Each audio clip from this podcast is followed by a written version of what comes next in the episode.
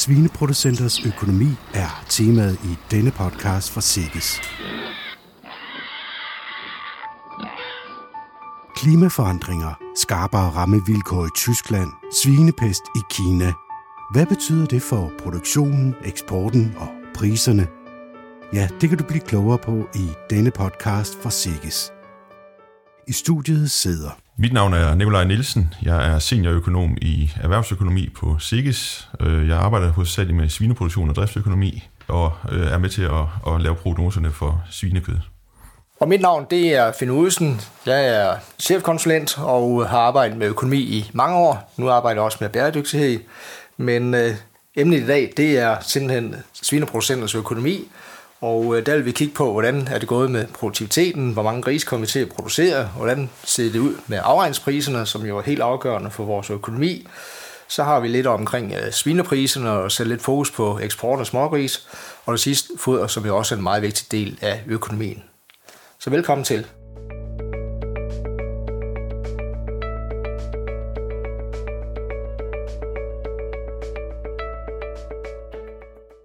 Først vil jeg sige lidt omkring øh, produktion af grise. Det er jo sådan, at øh, vi sidste år havde en meget varm sommer. En dejlig sommer for de fleste af os. Men øh, desværre var den så varm, så øh, den gik ud over søernes produktivitet. Og øh, det har så medført, at vi ikke producerer helt så mange grise på så, som vi egentlig havde forventet, eller er vant til. For vi er vant til at have en meget stor stigning i produktiviteten. Det har vores øh, slagerier så kunne mærke her i første halvår, hvor de ikke har modtaget nær så mange grise, som de havde forventet. Nu skulle effekten af den varme sommer gerne være overstået, og øh, vi begynder at få normal produktivitetsstigning igen. Så vi går ud fra, at anden halvår, der vil vores øh, prognose for, hvor mange gris vi producerer, sådan nogenlunde holde.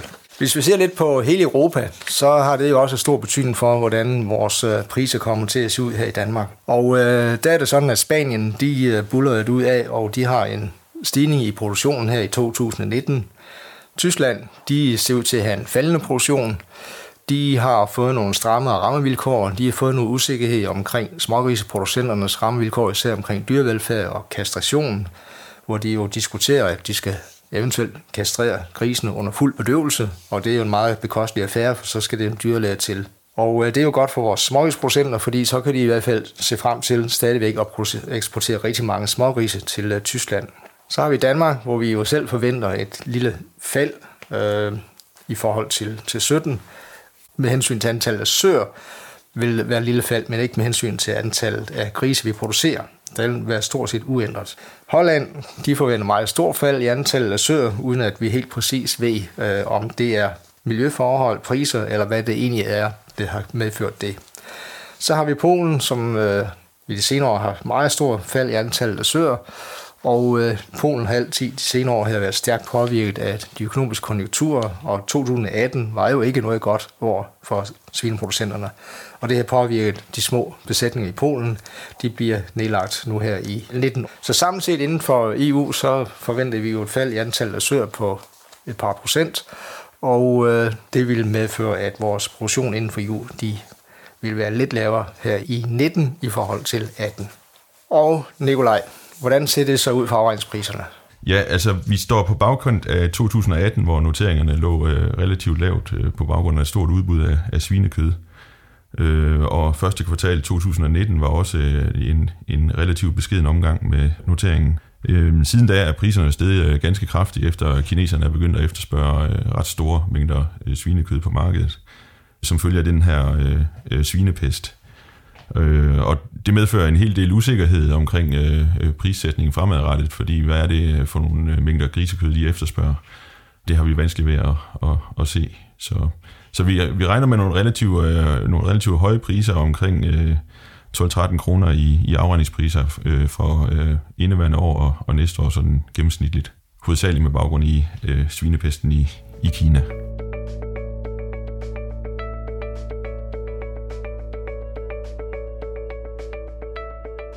Ja, og hvorfor er det så, at det svinepest i Kina, det kan betyde så meget? Jamen, øh, hvis vi kigger på hele verdens svineproduktion, så er den på cirka 108.000 millioner tons svinekød. Og Kina producerer faktisk omkring 54.000 tons svinekød normalt. Det er altså halvdelen af hele verdens svineproduktion. Så derfor så øh, har det selvfølgelig enorm betydning for hele verdens svineproduktion, når afrikansk svinepest i den grad breder sig i Kina, som det har gjort.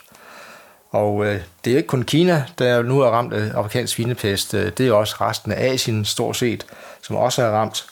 Og det betyder jo, at øh, svineproduktionen globalt set, den falder temmelig meget. Man taler faktisk om, at det er måske 20-30 procent af hele svineproduktionen, som falder væk i Asien. Og øh, det betyder altså, at hele verdens svineproduktion falder med 10-15 procent. Og det er altså sådan et sted mellem øh, 10-15 millioner tons. Det er sådan, hvis vi sammenligner op til meget producerer vi EU, så hele EU producerer cirka 22 millioner tons. Så det er ikke helt op på niveau med, hvad vi producerer i hele EU, men det er en meget stor andel. Så det er klart, at det vil påvirke efterspørgselen derude i Asien. Øh, spørgsmålet er, om de har råd til at købe det dyre svinekød. Og så ved vi også, at de er jo meget regulerede markeder, så de opererer med kvoter, og øh, de kvoter de kan så reguleres på forskellige vis. Øh, men det er helt givet sådan, at forbruget af svinekød, det vil simpelthen falde, for de har ikke råd til at købe det. Og vi andre har jo heller ikke mulighed for at producere så meget ekstra svinekød. Så det er sådan set, det ser ud på verdensmarkedet, og, og det vil også helt givet få følge en del år fremadrettet, fordi at øh, smittebeskyttelsen i de besætninger, de har derude, er ikke sådan det, vi kender i Vesteuropa. De har rigtig meget baggårdsproduktion, de bruger meget øh, affald, madaffald for eksempel, til at fodre deres grise med, og dermed så slæber det simpelthen smitten rundt med vand og foder i mange tilfælde. Så øh, vi forventer på den baggrund, at øh, det kan tage en rum til, inden at de får genoprettet den svineproduktion, som de har haft øh, tidligere. Og hvis vi kigger på vores egen øh, baggård inden for Europa, så er det jo også særdeles vigtigt, at vi holder vores besætninger fri af svinepest. Og det kæmper de en brav kamp med i Polen, hvor deres nabolande mod øst, de har jo svinepest i deres øh, vildsvinebestand, og øh, der er også er til en tammebesætning, som bliver ramt, fordi at smittebeskyttelsen måske ikke er 100% i orden. Og vi har jo også set nogle drøb længere ind i vest, vestlige del af Europa, senest i Belgien, hvor de pludselig fik øh, svinepest, og der kæmpede de jo en bagkamp for at få styr på det nede i deres øh, bjerge nede i Belgien. Og det er ikke nogen nem opgave, men de gør, hvad de kan for at hegne det ind og få øh, udryddet de vildsvin, som måtte være øh, inficeret med afrikansk svinepest. Så øh, det er særdeles vigtigt for, at vi også kan holde prisniveauet fremadrettet, at øh, vi kan eksportere til Kina, fordi hvis vi får svinepest, så kan vi faktisk risikere, at Kina de lukker for import af svinekød fra de lande i Europa, der er ramt i hvert fald. Du lytter til en podcast fra Sikkes, hvor vi har fokus på svineproducenters økonomi.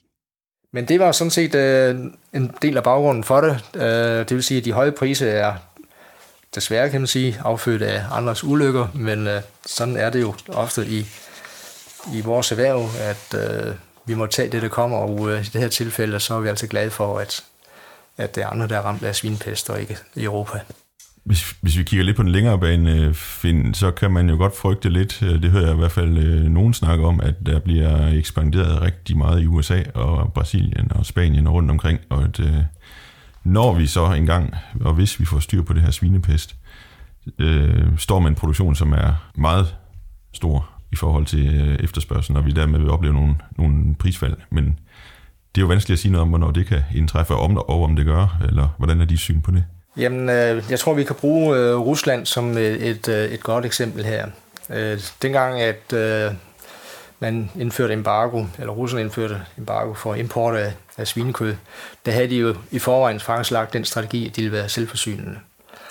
Og det vil sige, at når først et marked det, er, det forsvinder, så kommer det ikke sådan igen. Øh, her har vi sådan en omvendt situation, at øh, svineproduktionen falder på grund af svinepest, og vi får mere fodfæste inde på markedet. Og det skulle sådan set på den lange bane forhåbentlig betyde, at øh, ved at vi får mere fodfæste på det kinesiske marked, så får vi også lejlighed til på færre basis forhåbentlig at konkurrere mod de kinesiske svineproducenter. Det, der så kommer til at ske i Kina, det er jo, at de lægger om til industriproduktion, som jo ligner rigtig meget den amerikanske, altså store integratorer, som producerer grise derude, og de bliver nok lige så effektive sandsynligvis som de amerikanske og de europæiske, og derfor bliver det en meget hård kamp. Så du har ret i, at det kommer til at lægge os under pres, når vi kigger en 4-5 år frem, så kan vi godt komme med meget stærk pres ud på, på verdensmarkedet med at konkurrere.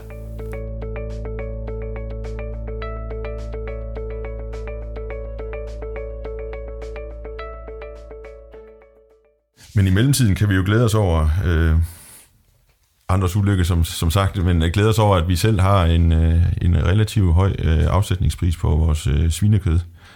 Øh, og det vil jo alt andet lige medføre, at vi øh, ser ind i nogle rigtig gode år øh, omkring økonomien i, øh, hos de danske svineproducenter, øh, uanset om det er slagsvineproducenter eller, eller smågrisproducenter.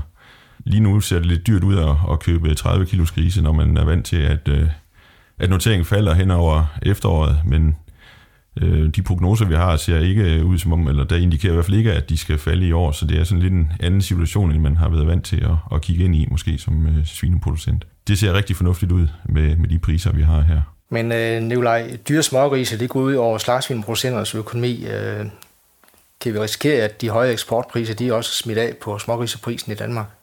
Øh, ja, det øh, vil det jo gøre på den lange bane i hvert fald. Øh, den beregnede notering følger jo slagsvinnoteringen ret øh, minutiøst, øh, og man vil jo nok blive udfordret på nogle øh, tillæg som øh, slagtesvineproducent øh, på de smågrise, man skal købe, øh, hvis det er, at man kan se som smågrisproducent, at man kan sælge sine øh, smågris til, til Tyskland eller Polen med et, til en højere pris med et højere tillæg, øh, så tror jeg, at vi vil se en, en, en, en stigende tendens. Altså stigende tendens til højere smågrisepriser? Højere smågrisepriser, ja. ja. Altså, ja. ja. Nu er det med øh, notering og afregningspris jo ikke det hele. Øh, det er også det er vores største udgift, det er foder. Og øh, hvordan ser du på de kommende foderpriser? Dem vi har til at, at kigge i krystalkuglen på den front, øh, spår jo, at vi øh, får kornpriser til omkring 100 kroner her øh, fremad efter høst. Øh, og det er jo noget af et fald i forhold til det, vi har set i, i 2018. Øhm, et andet element er jo øh, sojaen, og den er jo øh, for nedadgående på nuværende tidspunkt, og det er også forventningen, at øh, vi, vi ser nedadgående priser, når vi kigger på vores prognosepriser. Der er jo selvfølgelig den dark horse, som, øh, som øh, hedder øh, regnvejr i USA og, og såning af, af soja på nuværende tidspunkt, om, om det betyder, at vi, vi øh, har en anden prognose om tre måneder, det kan vi ikke helt sige eller afvise i hvert fald. Øhm, det ser ud som om, de får sået en del, men om det bliver rettidigt, og om det kommer øh, til ordentlig spiring, er jo, er jo spændende. Men, men alt andet lige øh, må vi formode, at vi ser ind i nogle, nogle lavere øh, foderpriser med foderenhedspriser omkring øh, halvanden krone øh, plus minus.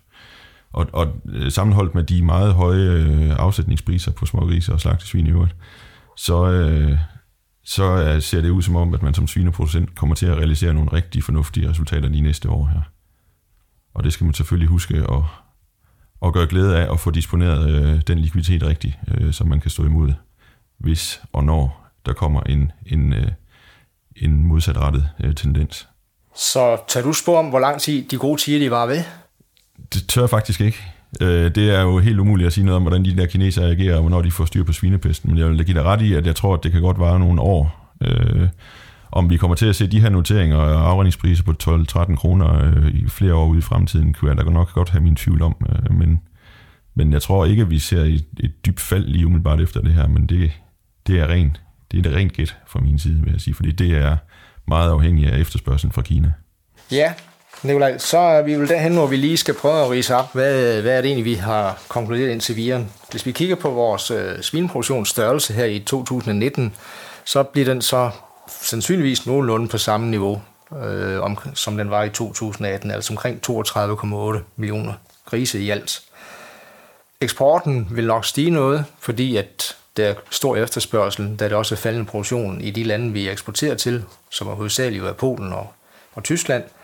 Og øh, Polen og Tyskland har jo historisk set været i stand til at betale en lidt bedre pris, end øh, vi egentlig har kunnet her på hjemmemarkedet.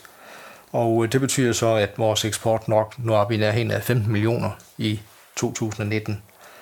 Vores øh, slagtninger vil så på den baggrund falde tilsvarende, så når eksporten stiger, da produktionen jo er uændret totalt set, og det vil sige, at vi nok lander omkring 17,5 millioner slagtninger.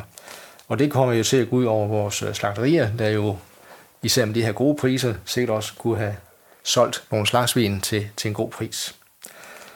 Vi øh, får normale foderpriser, sandsynligvis i hvert fald øh, det næste års tid, og så må vi jo så også se, hvordan øh, klimaet det arter sig, fordi de klimaforandringer, som vi ser rundt omkring med meget, meget regn i år i USA og ekstrem tørke i Europa sidste år osv., ser altså ud til, at klimaforandringen de desværre kommer til at spille en større større rolle for vores øh, foderproduktion fremadrettet.